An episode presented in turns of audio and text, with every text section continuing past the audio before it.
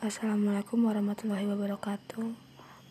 Baiklah, di sini saya Dia Fajrin dengan NIM 1911296 akan menjawab kuis yang telah Ibu berikan. Nomor satu yang A, apa hubungan wawasan Nusantara dengan kepentingan nasional?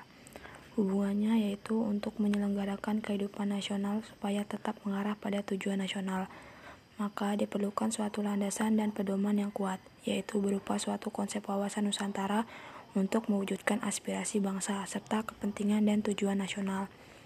Dan yang B, menurut saya ya Indonesia sangat rentan terhadap masuknya kapal dan nelayan asing dikarenakan Indonesia secara geografis sangat strategis dalam jalur perdagangan dan pelayaran dunia.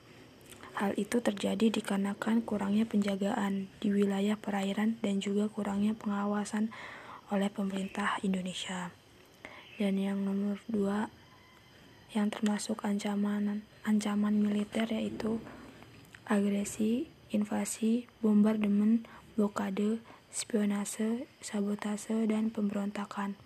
Dan yang termasuk ancaman non-militer yaitu perdagangan dan penyalahgunaan narkoba, kegiatan imigrasi gelap atau ilegal, penangkapan ikan di laut secara ilegal, banyaknya tindakan korupsi dan KKN, adanya berbagai penyeludupan baik ke dalam negeri maupun ke luar negeri. Kemiskinan dan kebodohan. Dan yang paling berpotensi bagi kelangsungan hidup berbangsa dan bernegara adalah ancaman non militer karena eh, jika dilihat dari segi kalangan pemuda, ancaman ini bisa saja merusak generasi muda saat ini karena generasi muda saat ini adalah generasi penerus bangsa. Dan jika dilihat dari segi persaingan dan kepentingan akan ada ancaman perebutan energi di antara negara sehingga menimbulkan perang pangan dan air karena Indonesia memiliki SDA dan SDM, bisa saja semua negara ingin menguasai hal tersebut.